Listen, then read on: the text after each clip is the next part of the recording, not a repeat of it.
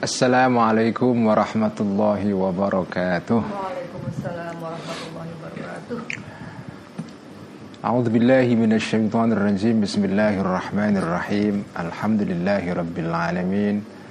والصلاة والسلام على أشرف الأنبياء والمرسلين سيدنا وحبيبنا ومولانا وقرة أعيننا محمد صلى الله عليه وسلم وعلى آله وأصحابه ومن تبعهم bi ihsanin ila yaumiddin rabbi shrah li sadri wa yassir li amri wahlul 'uqdatam min lisani yafqahu qawli rabbi zidna ilma warzuqna fahma amin ya rabbal alamin amma ba'du teman-teman semua mari kita melanjutkan ngaji Al-Ghazali pada malam hari ini dan kita mulai dengan membacakan atau menghadiahkan Al-Fatihah إلى روح نبينا وشفينا محمد صلى الله عليه وسلم وإلى أرواح إخوانه من الأنبياء والمرسلين وإلى أرواح أزواجه وعترته وصحابته والتابعين والتابعين لهم بإحسان إلى يوم الدين وإلى أرواح الملائكة المقربين والأولياء والشهداء والصالحين والأئمة المجتهدين والعلماء الصالحين والمؤلفين والمسنفين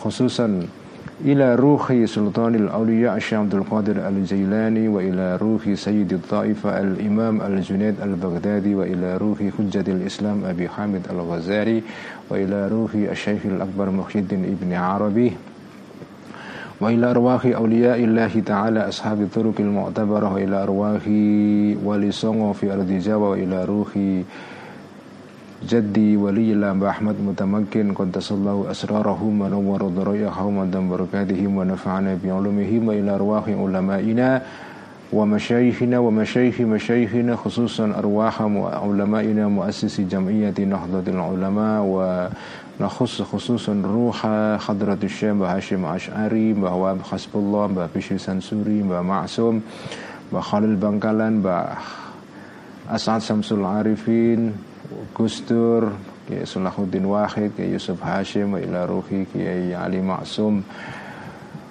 wa ila arwahi wa ummahatina وأجدادنا وجداتنا ومشايخنا ومشايخ مشايخنا غفر الله ذنوبهم وستر عيوبهم ويعلي درجاتهم شيء لله لهم الفاتحة أعوذ بالله من الشيطان الرجيم بسم الله الرحمن الرحيم الحمد لله رب العالمين الرحمن الرحيم مالك يوم الدين إياك نعبد وإياك نستعين. اهدنا الصراط المستقيم صراط الذين أنعمت عليهم غير المغضوب عليهم ولا الضالين آمين.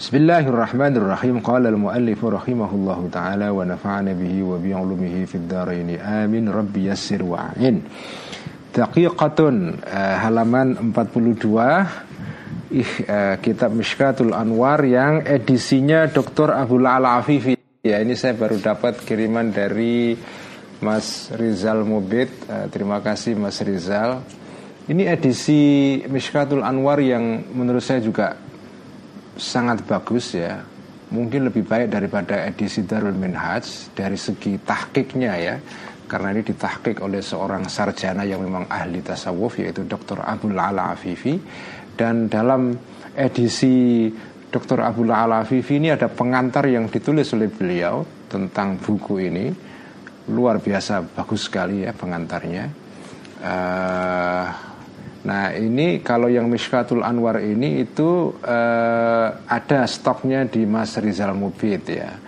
Nah kalau Darul Minhaj itu lebih bagus karena enak dibaca. Jadi tulisannya gede-gede dan indah sekali ya. Jadi kalau untuk dibaca dimaknani gitu itu dijinggoti ya itu lebih enak yang Darul Minhaj memang.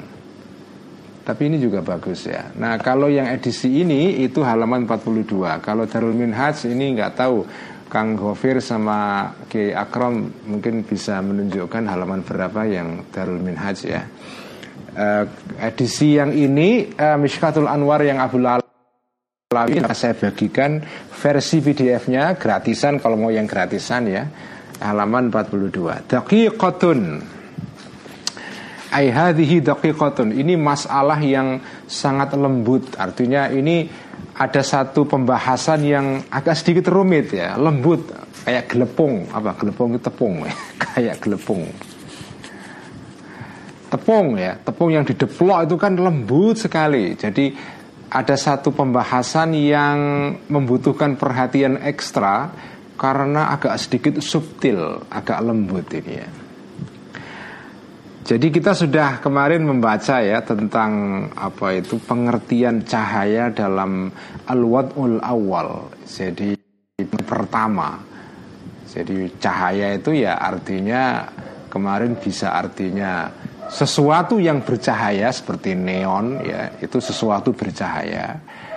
Dan cahaya juga bisa berarti sesuatu yang keluar dari neon Lalu menyinari barang-barang di sekitarnya. Itu cahaya. Jadi cahaya bisa punya dua pengertian. Pengertian pertama adalah sesuatu yang bercahaya Atau sesuatu yang keluar dari sesuatu yang bercahaya. Ya. Itu dua-duanya disebut dengan anur di dalam pengertian orang awam. Itu pengertian yang lazim yang disebut dengan al-wad'ul awal yaitu pengertian pertama ya. Nah bahasa itu kan berkembang ya. Jadi bahasa yang atau istilah yang pengertian tertentu di dalam penggunaan orang-orang awam ya itu kemudian dipakai dengan pengertian yang berbeda oleh sekelompok orang yang misalnya para sarjana atau kalangan ilmuwan itu mengembangkan sendiri pengertian baru terhadap istilah yang sama. Jadi kata an-nur ini ada pengertian untuk orang awam, itu pengertian dasar. Lalu nanti ada pengertian di atasnya pengertian menurut orang khawas dan menurut orang-orang khawasul khawas. Jadi memang di dalam uh, pandangan Imam Ghazali secara garis besar ya, masyarakat itu dibagi tiga kelas ya. Ada masyarakat awam, ini adalah masyarakat yang ada di dasar piramida ya. Kemudian nanti naik sedikit ke atas itu ada namanya masyarakat khawas. Orang-orang yang punya keistimewaan tersendiri karena menguasai keahlian tertentu ya, ilmuwan lah kira-kira gitu ya tapi ini bukan ilmuwan ini khawas di sini artinya orang-orang sufi ya orang-orang sufi. Orang-orang yang asalik yang yang berjalan menuju kepada Allah me, menjalani jalan tarekat ya. Kemudian setelah itu ada namanya khawasul khawas ya. Krem de la krem apa? Uh, orang yang pilihan ya. core of the core yang pilihan itu. Paling tinggi itu di puncak piramida itu. Awam khawas khawasul khawas. Nah masing-masing kelas ini itu punya istilah-istilah yang khas pada mereka atau ada istilah yang sama tapi dimaknai secara berbeda oleh orang awam, oleh orang khawas, oleh khawasul khawas itu ya. Nah sekarang kita uh, baru uh, membahas pengertian cahaya dalam pengertian orang awam ya. Yaitu cahaya itu ya. Nah kemarin diterangkan segala sesuatu, nah ini namanya ilmu ontologi ya sekali lagi ya, segala sesuatu itu dibagi atas tiga kategori, tiga kelas ya, terkait dengan uh, mata kita. Ada sesuatu itu yang bisa dilihat, muzlimah ya, karena nggak ada cahaya dalam dirinya. Itu pertama, sesuatu yang tidak bercahaya. Dan sebagian besar itu kan sebagian besar benda-benda di dunia itu kan nggak bercahaya kan? Karena itu kalau nggak ada lampu ya nggak bisa dilihat. Begitu lampu mati listrik mati nggak kelihatan semua itu. Jadi sebagian besar benda-benda di dunia ini itu al ajsam al kathifah ya. Itu istilah dalam kitab Mishkatul Anwar ini. Barang-barang yang punya jasad yang kasar yang bisa diindera itu umumnya muzlimah gelap, tidak punya cahaya sehingga tidak bisa dilihat. Itu kategori pertama. Kedua adalah sesuatu yang bercahaya. Tapi cahayanya itu sedikit atau kecil atau lemah sehingga dia bisa dilihat tapi tidak bisa menerangi atau mencahayai yang lain. Itu lebih tinggi sedikit ya. Jadi yang paling dasar itu adalah benda-benda yang gelap, yang tidak bercahaya Jadi kalau nggak ada lampu nggak bisa dilihat. Naik sedikit ke atasnya kategori kedua adalah benda-benda yang bisa dilihat karena bercahaya, tapi dia mencahayai yang di sekitarnya, nggak menerangi yang di sekitarnya, sehingga ya benda itu hanya cukup dilihat saja.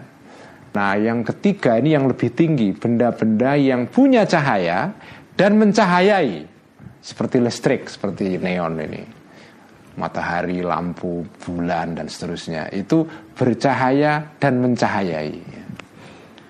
Manusia juga begitu. Ada manusia itu yang gelap, nggak kelihatan, ya, karena nggak punya nilai sama sekali. Ada yang seperti, yaitu seperti mowo itu apa, bara api itu kelihatan bercahaya, tapi tidak menerangi yang lain. Ada manusia itu yang kategorinya ketiga bercahaya dan menerangi sekitarnya. Ya kalau kita bisa itu yang menjadi manusia jenis ketiga ini minimal jenis kedua. Jangan naudzubillah jangan menjadi manusia jenis yang pertama itu. Yang gelap ya. nggak bisa dilihat malah membuat gelap yang lain. Wah itu itu ngeri itu ya. Oke, sekarang daki dakikotun, masalah yang lembut, yang yang yang yang yang, yang agak sedikit subtil ya. Lama kana sirrun nuri wa huwa zuhura lil idrak kana al idraku mawqufan ala wujudin nuri wa ala wujudil ainil basirati aydan idhin nuru huwa zahirul muzhiru walaysa syai'un minal anwari zahiran fi haqqil umyani wala muzhiran. Ya. Faqad tasawa. Nah ini ini kalimat ini kalimat apa ya? Jumlah syartiyah atau kalimat kondisional. Jika nenek-nenek-nenek-nenek maka itu namanya conditional clause jumlah syartiyah ya jika nenek-nenek-nenek-nenek maka Cuma jikanya itu panjang banget Jika makanya itu jauh Makanya kadang-kadang kalau orang baca kalimat dalam bahasa Arab itu kalau nggak teliti dia bisa kehilangan orientasi. Ini mana ini makanya ini? Harus dicari itu. Lam makana ketika ada sirun nuri, rahasia cahaya. Waruhu dan intinya atau rohnya cahaya, maksudnya intinya cahaya. Intinya cahaya itu apa sih? Huwa adalah az-zuhuro adalah penampakan lil idroki kepada indera uh, apa ya penglihatan. Cahaya itu kan intinya apa sih intinya cahaya itu? Adalah intinya kalau ada cahaya sesuatu nampak az-zuhur ya. Sudah kita bahas ya kan. Nampak tapi nampaknya idofi. Ingat ya kemarin ada istilah amrun idofiyun nampak tapi nampak ini relatif, nampak kepada siapa? Cahaya itu nampak hanya kepada orang-orang yang bisa melihat. Kalau nggak bisa melihat, misalnya orang buta, ya cahaya nggak ada gunanya.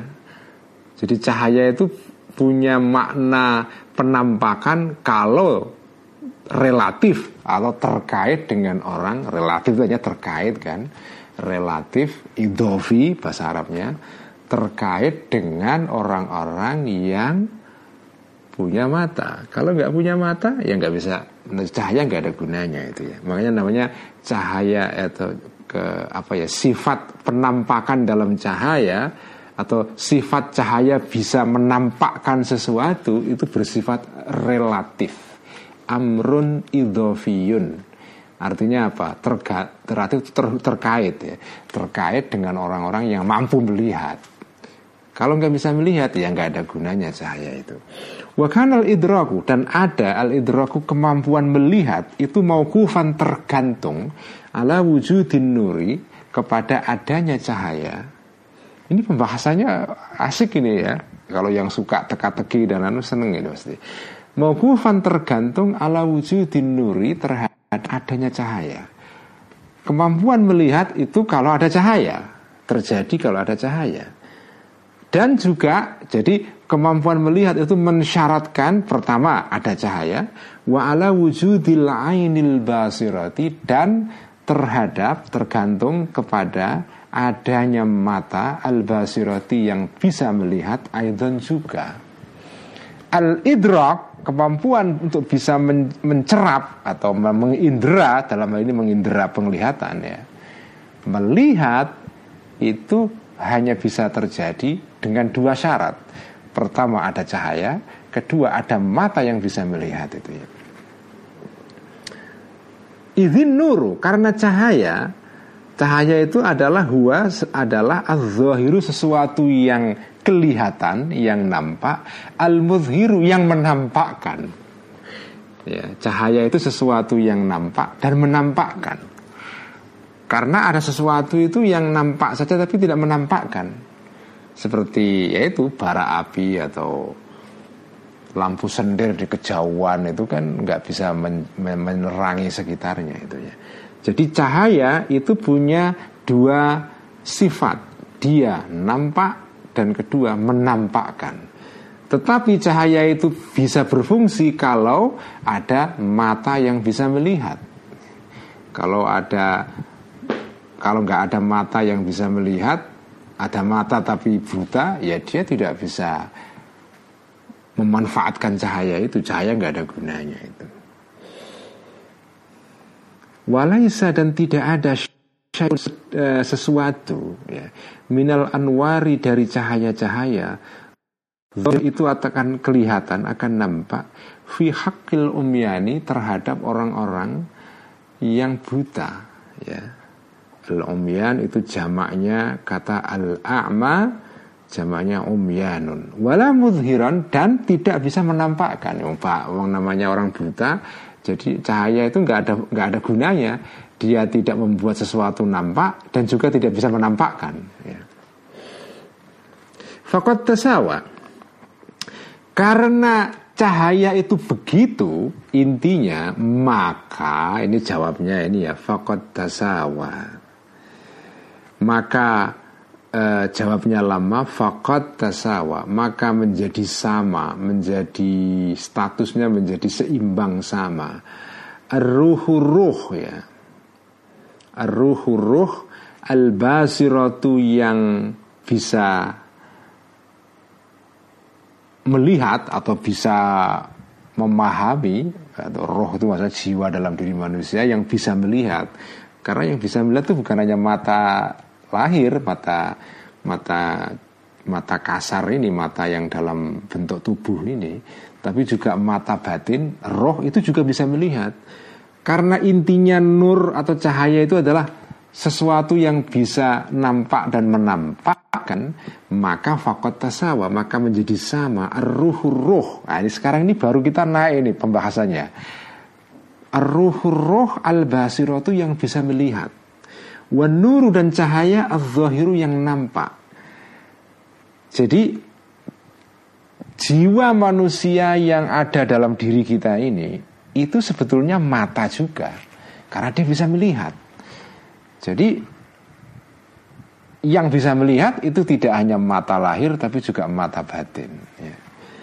Nah karena cahaya itu intinya adalah menampakkan dan bisa membuat sesuatu terlihat maka kalau begitu kesimpulannya Maka roh manusia yang bisa melihat Wanuru dan cahaya yang az yang nampak ya Itu jadi sama dua-duanya. Sama dalam hal apa? Fi kaunihi. Jadi fi ini ta'aluknya dengan kata kerja atau fi'il tasawa Fi kaunihi di dalam adanya nur Atau dalam adanya uh, Az-zuhur tadi itu Ruknan adalah salah satu apa pilar atau cagak atau fon ya pilar. Pilar itu ya cagak itu ya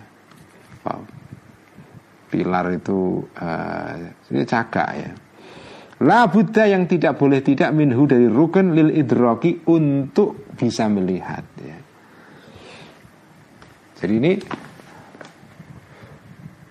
ada jadi tadi diterangkan kan cahaya itu intinya adalah az-zuhur Cahaya itu sesuatu yang nampak dan menampakkan.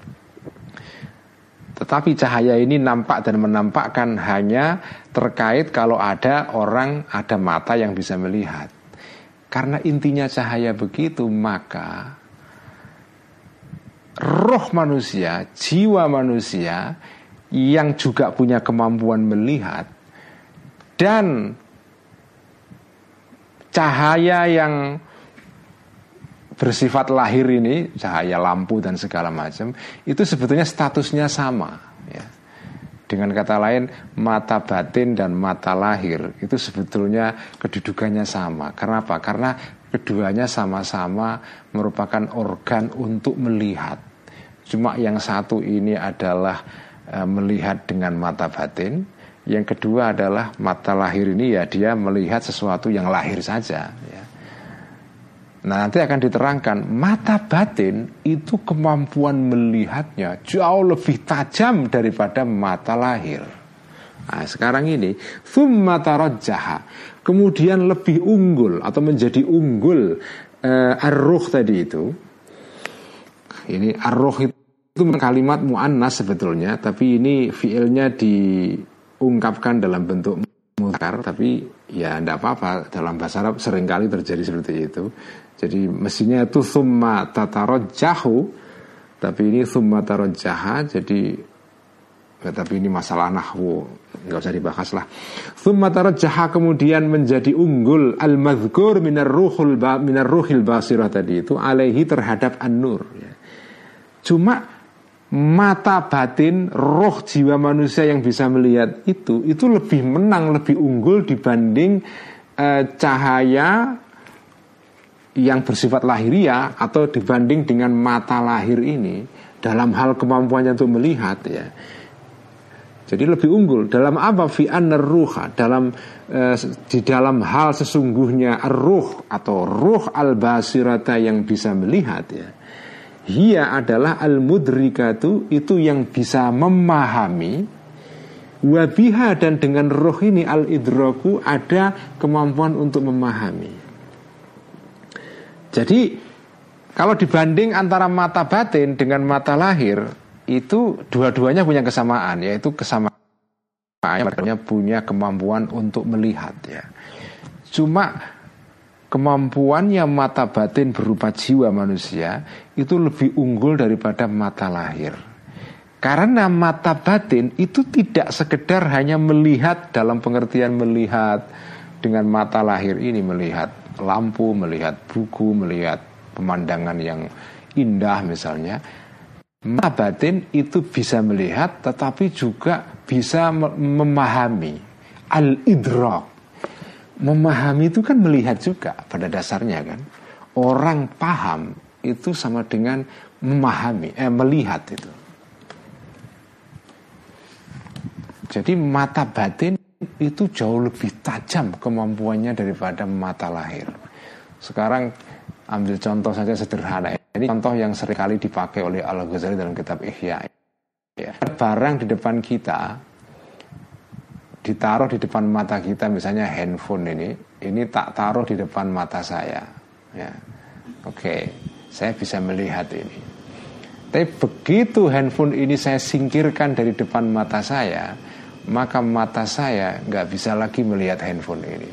Jadi mata lahir ini hanya bisa melihat sesuatu yang ada di depannya. Begitu saya hilangkan barang ini dari depan mata saya, maka mata saya nggak bisa melihat lagi. Tetapi telepon atau handphone yang saya lihat dengan mata saya ini, walaupun saya singkirkan dari depan saya, itu ketika kita singkirkan itu gambar handphone ini masih tercetak di dalam mata batin kita. Handphonenya sudah tidak ada, tapi gambar handphone itu masih ada dalam pikiran kita. Jadi mata batin itu bisa melihat tanpa harus ada barangnya di depan kita. Karena itu mata batin itu bisa melihat sesuatu yang tidak ada di depan kita. Karena itu kalau ada orang misalnya pernah melihat sesuatu Sesuatunya sudah hilang, udah nggak ada Tapi masih terbayang-bayang di dalam mata batin kita. Kita punya orang tua yang sudah meninggal bertahun-tahun yang lalu Sudah nggak ada di dunia ini Tapi mata batin kita masih melihat terus itu. Itu kehebatannya mata batin itu. Dan ya ini sekaligus menunjukkan apa ya kehebatan ciptaan Allah yang namanya manusia itu. Itu luar biasa. Kalau jenengan renungi itu ya kok bisa ya? Kok bisa manusia itu punya organ dalam dirinya yang bisa melihat sesuatu walaupun sesuatu itu nggak ada? Jadi manusia itu dilengkapi oleh Allah dengan dua mata. Mata yang ada di luar ini yang kemampuannya melihat itu terbatas, ada mata dalam dirinya yang kemampuan melihatnya itu nggak terbatas, nggak terbatas. Ya. Itu itu luar biasa. Kalau jangan pikirkan itu, masya Allah itu ajaib. Manusia itu ajaib. Makanya Imam Ghazali dalam kitab Ihya itu kan membuat bab khusus di dalam jilid ketiga Ihya itu Kitabu Ajaibil Qalbi. Kitab tentang keajaiban jiwa manusia. Ya ini.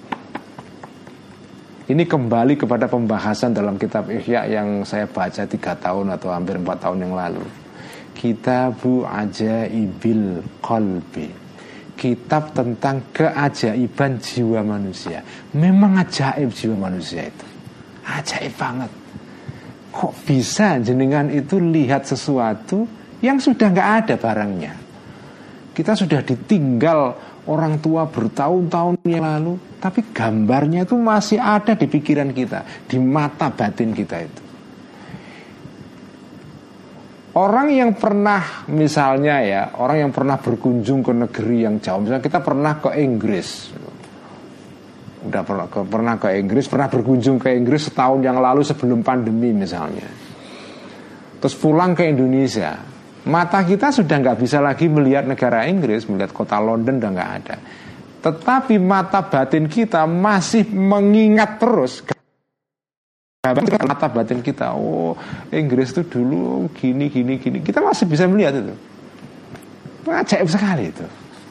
Itu ajaibul khalq itu. ya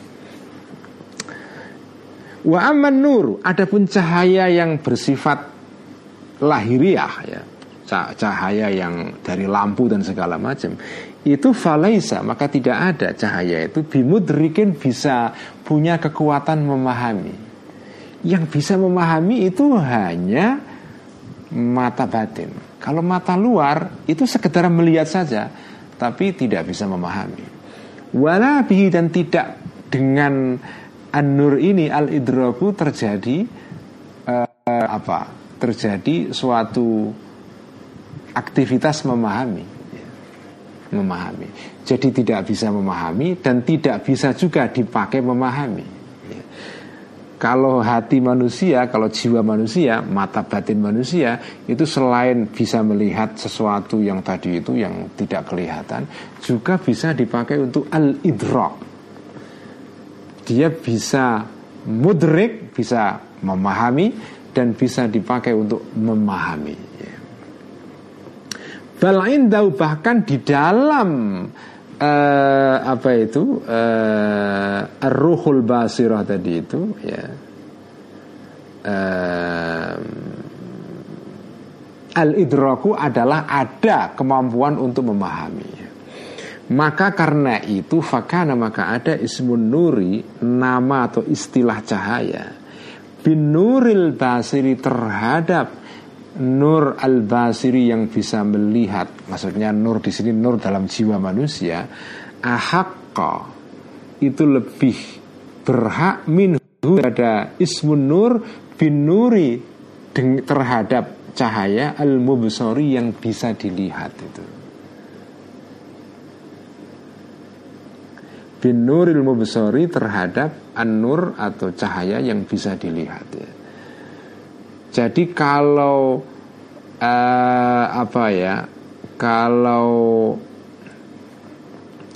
kalau cahaya, kalau mata kalau mata lahir itu apa?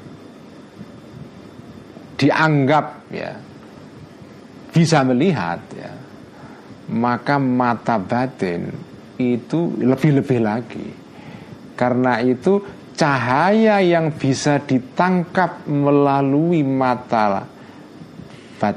Kalau sesuatu yang bisa ditangkap dengan mata lahir itu disebut dengan cahaya, maka nama cahaya itu lebih layak diterapkan kepada sesuatu yang bisa ditangkap oleh mata batin. Karena mata batin kemampuan melihatnya jauh lebih kuat. Jadi kalau nur itu jenengan pakai untuk menamai namanya menamai sesuatu yang bisa dilihat dengan mata batik, dengan mata lahir, maka itu lebih layak lagi dipakai untuk menamai sesuatu yang bisa dilihat oleh mata batin. Kenapa? Karena mata batin itu jauh lebih kuat penglihatannya. Dengan kata lain, istilah cahaya kalau bisa dipakai dalam konteks mata luar ini lebih-lebih lagi relevan untuk konteks mata batin. Kenapa? Karena mata batin itu penglihatannya lebih kuat. Ini kesimpulan yang mau di dicapai atau mau dikemukakan oleh Al Ghazali dalam bagian ini. Makanya ini agak dakiko, agak sedikit lembut, agak sedikit subtil, agak sedikit rumit ya. Jadi intinya kalau jenengan memakai cahaya dalam konteks mata luar ini, maka cahaya dalam konteks mata batin itu lebih layak dipakai istilah itu. Selama ini kan kita nggak pernah berpikir begini ya. Iya juga ya. Kalau listrik itu kita sebut apa? Kalau listrik itu kita sebut memproduksi cahaya terkait dengan mata lahir, maka cahaya yang membuat apa? mata batin kita itu bisa melihat itu jauh lebih layak disebut dengan cahaya ya. daripada listrik yang kelihatan ini gitu. Wat laku dan menerapkan atau memakai mengucapkan orang-orang apa maksudnya orang-orang atau orang-orang yang menggunakan istilah an-nur ini isman nuri terhadap nama atau istilah an-nur ala nuri ala nuril aini terhadap cahayanya mata al-mubsirati yang bisa melihat ya. Jadi umumnya orang menggunakan nama cahaya untuk menamai cahaya yang ada di dalam mata luar ini ya. Mata kita itu kan mata kita itu kan bercahaya karena dia bisa melihat sesuatu karena ada cahaya di dalam mata kita maka kita bisa melihat sesuatu karena itu cahaya dipakai di dalam pengertian umumnya itu untuk mata mata yang kelihatan ini karena itu fokalu maka mengatakan orang-orang ini fil khaffashi di dalam apa binatang apa khaffash itu kelelawar ya codot ya. Kalau kita ada codot itu biasanya orang mengatakan inna nuro ainihi sesungguhnya cahaya matanya al khafash maifun itu lemah ya. Tidak seperti cahayanya mata manusia yang lebih terang. Wafil a'mashi dan di dalam uh, konteks orang-orang yang apa itu, yang rabun ya, amash, orang yang rabun matanya, Innahu kita mengatakan atau orang-orang mengatakan selalu, uh, misalnya mengatakan innahu sesungguhnya al-amash itu uh, lemah nuru basorihi cahaya matanya al-amash ini. Orang yang rabun itu cahaya matanya lemah gitu ya. Wafil a'ma dan di dalam eh, orang-orang di dalam orang yang buta terhadap orang buta. Orang mengatakan innahu faqida nuril basari. Innahu sesungguhnya orang buta ini faqida kehilangan al-a'ma nurul basari cahaya matanya ya.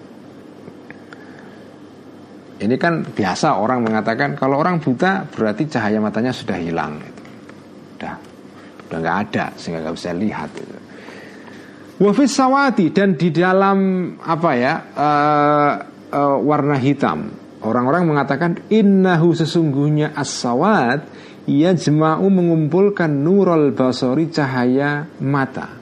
wa dan memperkuat uh, al-basar memperkuat uh, mata atau kemampuan melihatnya mata ya warna hitam itu cenderung bisa menangkap sinar ya. Karena itu kalau orang pakai baju hitam di tengah apa di tengah terik matahari itu tambah panas ya kan? Karena karena warna hitam itu menyerap cahaya. Nanti akan diterangkan kenapa mata manusia itu ada bagian hitam di dalam mata kita ya karena itu untuk memperkuat kemampuan melihat mata kita karena menyerap menyerap cahaya ya. Wa innal azfana dan sesungguhnya al azfan apa ya? Uh, azfan itu apa ini? Bagian mata yang hitam itu namanya apa ya dalam kornea. eh? Kornea. Ya. Ya kornea ya. Wa innal azfana dan sesungguhnya apa kornea kornea mata manusia innama khassatha sesungguhnya memberi ha terhadap azfan al hikmatu hikmah al ilahiyatu yang bersifat ketuhanan bilau nisafati dengan bilau nisawati dengan warna hitam. Kenapa kornea kita warnanya hitam? Karena tadi itu warna hitam itu menyerap cahaya. Uh, waja'lil aini dan menjadikan mata yaitu itu bagian yang di tengah-tengah itu uh, telengnya mata itu apa namanya? Pupil kalau nggak salah ya. Uh, telengnya mata, mata yang bagian tengah itu, itu dijadikan mahfufatan dikelilingi biha dengan azfan tadi itu, dengan kornea itu. Supaya apa? Lita jemaah Supaya bisa mengumpulkan Mengkoleksi al-ajfan tadi itu Dhaw ala aini Cahayanya mata karena warna hitam itu memperkuat, membuat cahaya menjadi fokus itu ya. Sementara wa amal bayadu anapun warna putih fayufarriku maka akan membuat ambiar memecah-mecah mengambiarkan daw al aini eh, cahayanya mata. Wa yudha'ifu dan memperlemah al bayat nurohu kepada cahayanya al ain ini. Mestinya nuroha tapi karena al ain itu muannas tapi ya nggak apa-apa kalau kalau mudzakkar berarti ya cara merujukkannya nurahu terhadap cahayanya al mazkur minal ain. Hatta inna idamatan nadhari sehingga sesungguhnya memperlama ya penglihatan. Kalau kita lama melihat ilal bayadi kepada putih al musyriki yang apa itu yang yang cemplorot, yang bersinar, artinya warna putih yang uh, apa itu ya memantulkan cahaya. Kalau kita lihat lama-lama atau bal ila nuri syamsi atau kepada cahaya matahari yang juga warnanya putih ya. Maka melihat secara lama-lama seperti itu akan ia baru bisa membuat apa ya me, me, apa membutakan nurul ini terhadap cahayanya mata blinding akan bisa membuat mata kita jadi jadi apa silau. Ya. Seperti kalau kita nyetir mobil ada cahaya dari arah sebaliknya ya mengenai kita itu membuat kita jadi nggak nggak bisa melihat malah. Karena apa? Karena ada cahaya putih yang terlalu kuat itu. Wayam haku dan menghancurkan ya idamatun nazar tadi ruhu kepada nurul ain kamayan mahiku sebagaimana hancur ad orang yang lemah fi jambil qawi di samping orang yang kuat. Itulah kenapa mata kita itu ada bagian hitamnya dan ada bagian uh, tengahnya itu ya. Yang dalam bahasa Arab disebut dengan insanul ain itu. Ini pembahasan seperti ini ini pembahasan yang berkaitan dengan fisika atau optik ini kan. Dan kenapa Al Ghazali kok bisa bilang begini? Karena Imam Ghazali itu baca fisika.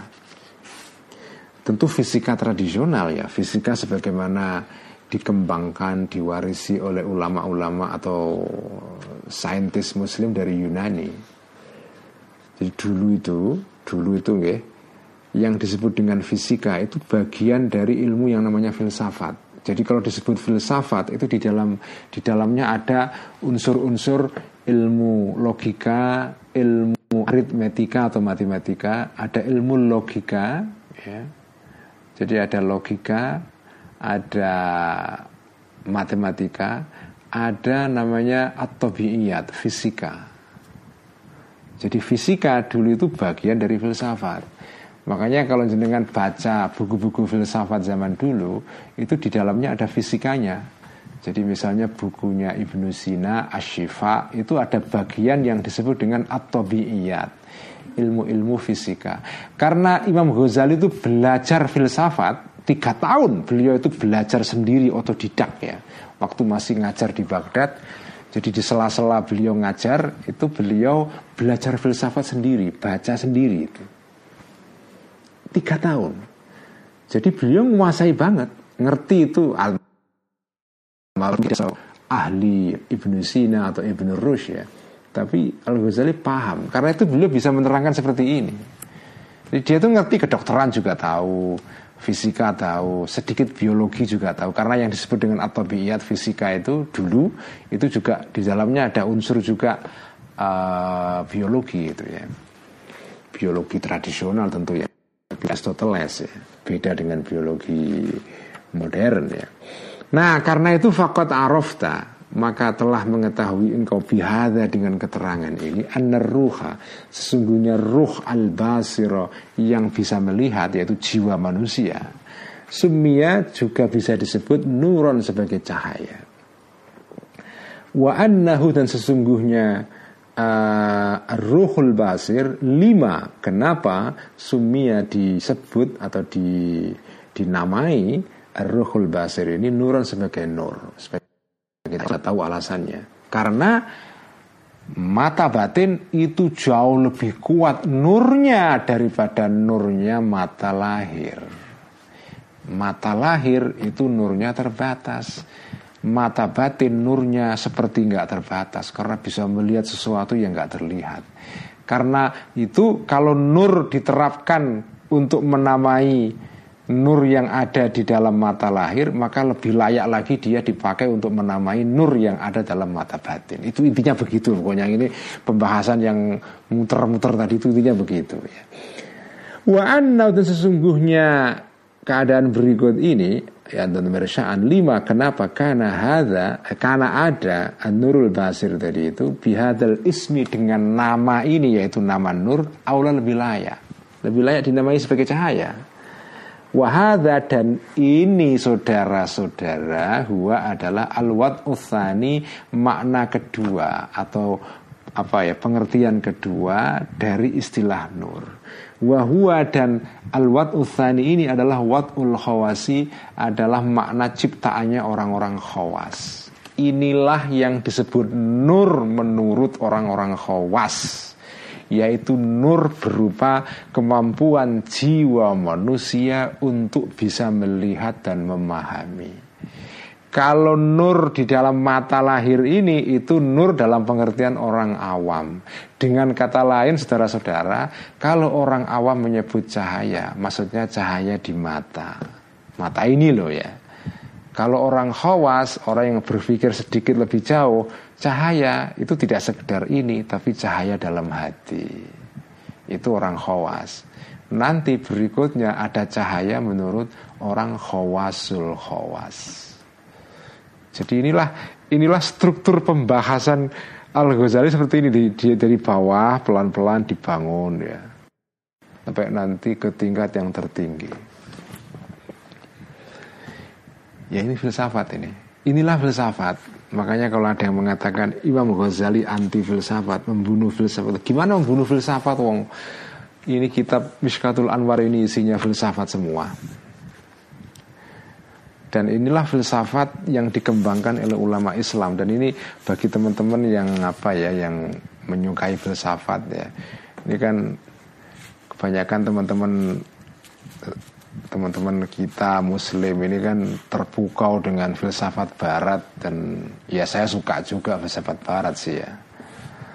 Tapi kita itu sendiri umat Islam ini punya peradaban filsafat yang juga kaya. Tapi dilupakan itu karena dianggap kurang keren karena ini filsafat yang ditulis ribuan tahun yang lalu. Ya memang filsafat yang ditulis oleh Al Ghazali dan seterusnya ini ditulis sudah ribuan tahun yang lalu, sudah hampir seribu tahun ini. Ya. Tapi menurut saya tetap layak di di, dilestarikan, dibaca, difahami ya. Karena ini bagian dari kekayaan tradisi umat Islam itu. Inilah filsafat Islam itu. Jadi orang Islam itu punya juga khazanah filsafat yang kaya yang patut kita baca ya. Sekian ngaji Mishkatul Anwar malam ini. Eh, kita teruskan besok. Mari kita ganti ngaji kitab Ihya. Wallahu a'lam bissawab.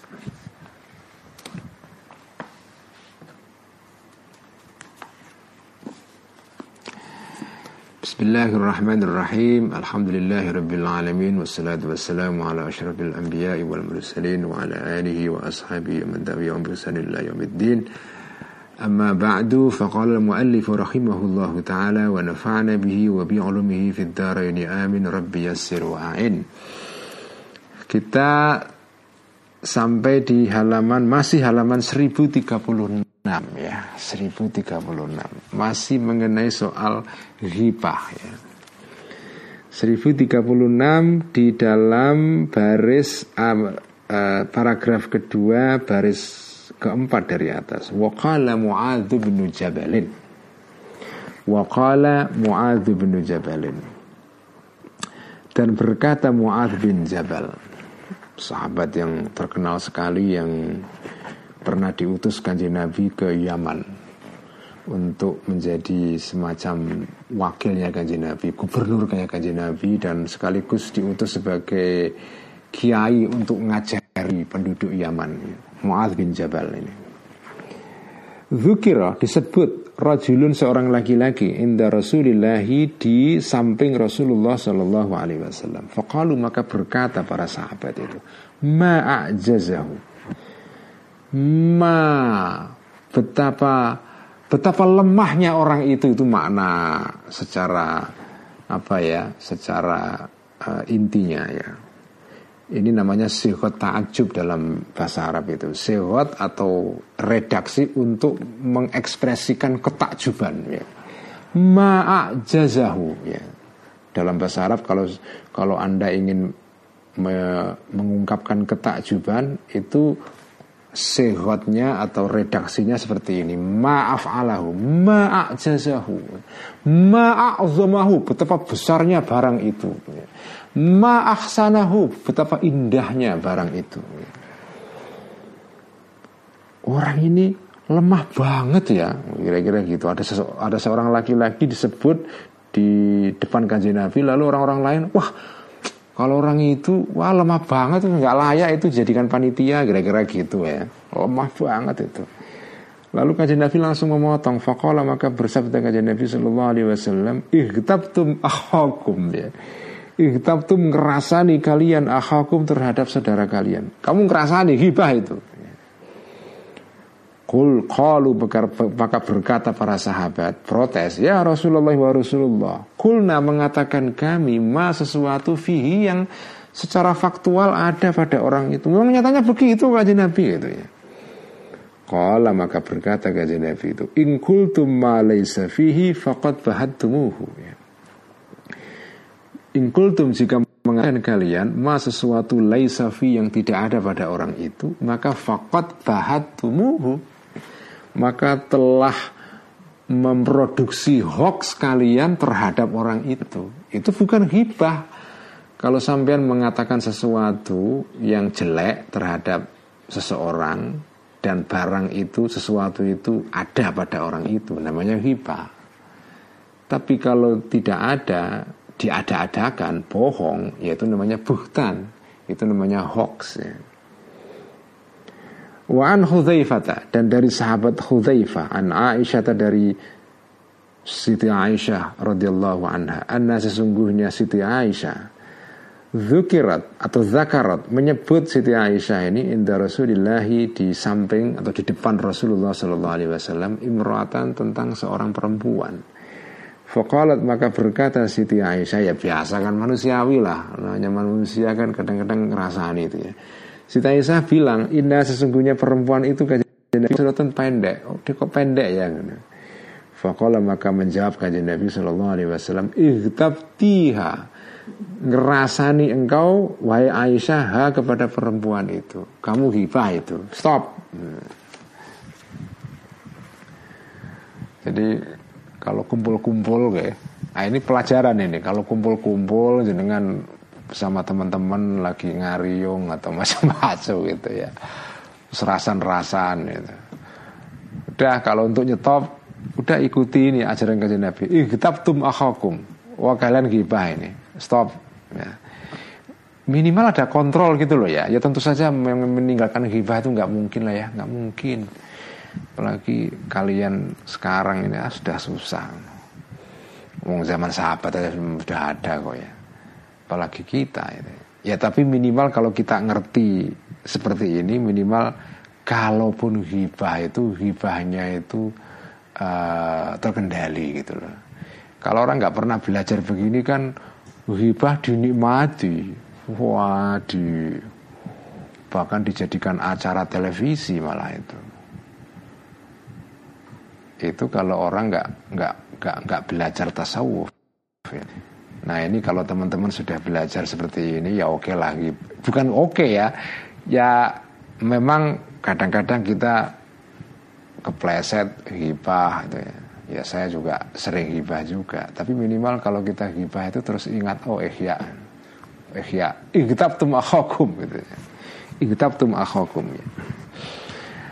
Waqala dan berkata Al Hasanu Imam Al Hasan Al Basri ini seorang tabiin besar ya. Zakaro atau zikrul ghairi menyebut orang lain itu salah satu ada tiga kategori. Al ghibatu pertama ghibah, wal buhtanu dan buhtan hoax, wal ifku dan uh, hoax juga tapi ini hoax yang lebih tinggi kualitasnya jadi kalau buhtan itu hoax ya kelas ecek-ecek gitu ya tapi kalau al ifku itu hoax tetapi yang apa ya ada unsur fitnahnya itu.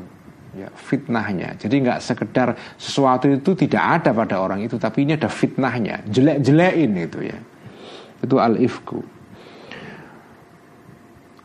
uh, dan semua ini itu fi billahi ada diterangkan dalam kitabnya Allah Al-Quran Azza wa Jalla.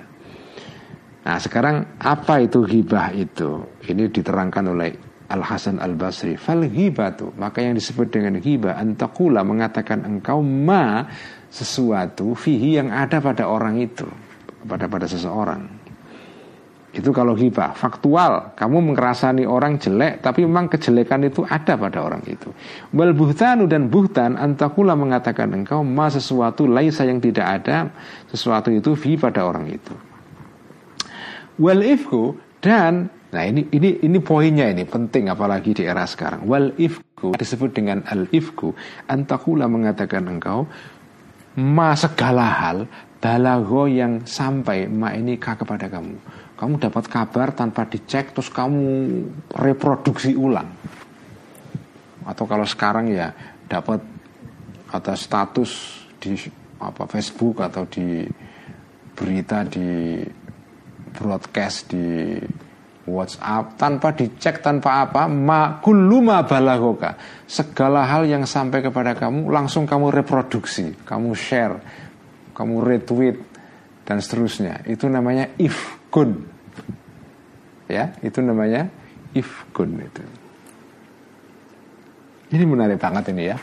Jadi ada ghibah ada buhtan ada ifkun buhtan ini ya pokoknya kamu ngerasani orang dengan sesuatu yang tidak ada pada orang itu bohong gitu ya tapi ya netral lah ya ya jelek tapi tidak ada unsur fitnahnya atau segala macam. Ifkun itu pokoknya kamu dengar sesuatu langsung kamu share, langsung kamu reproduksi ulang itu.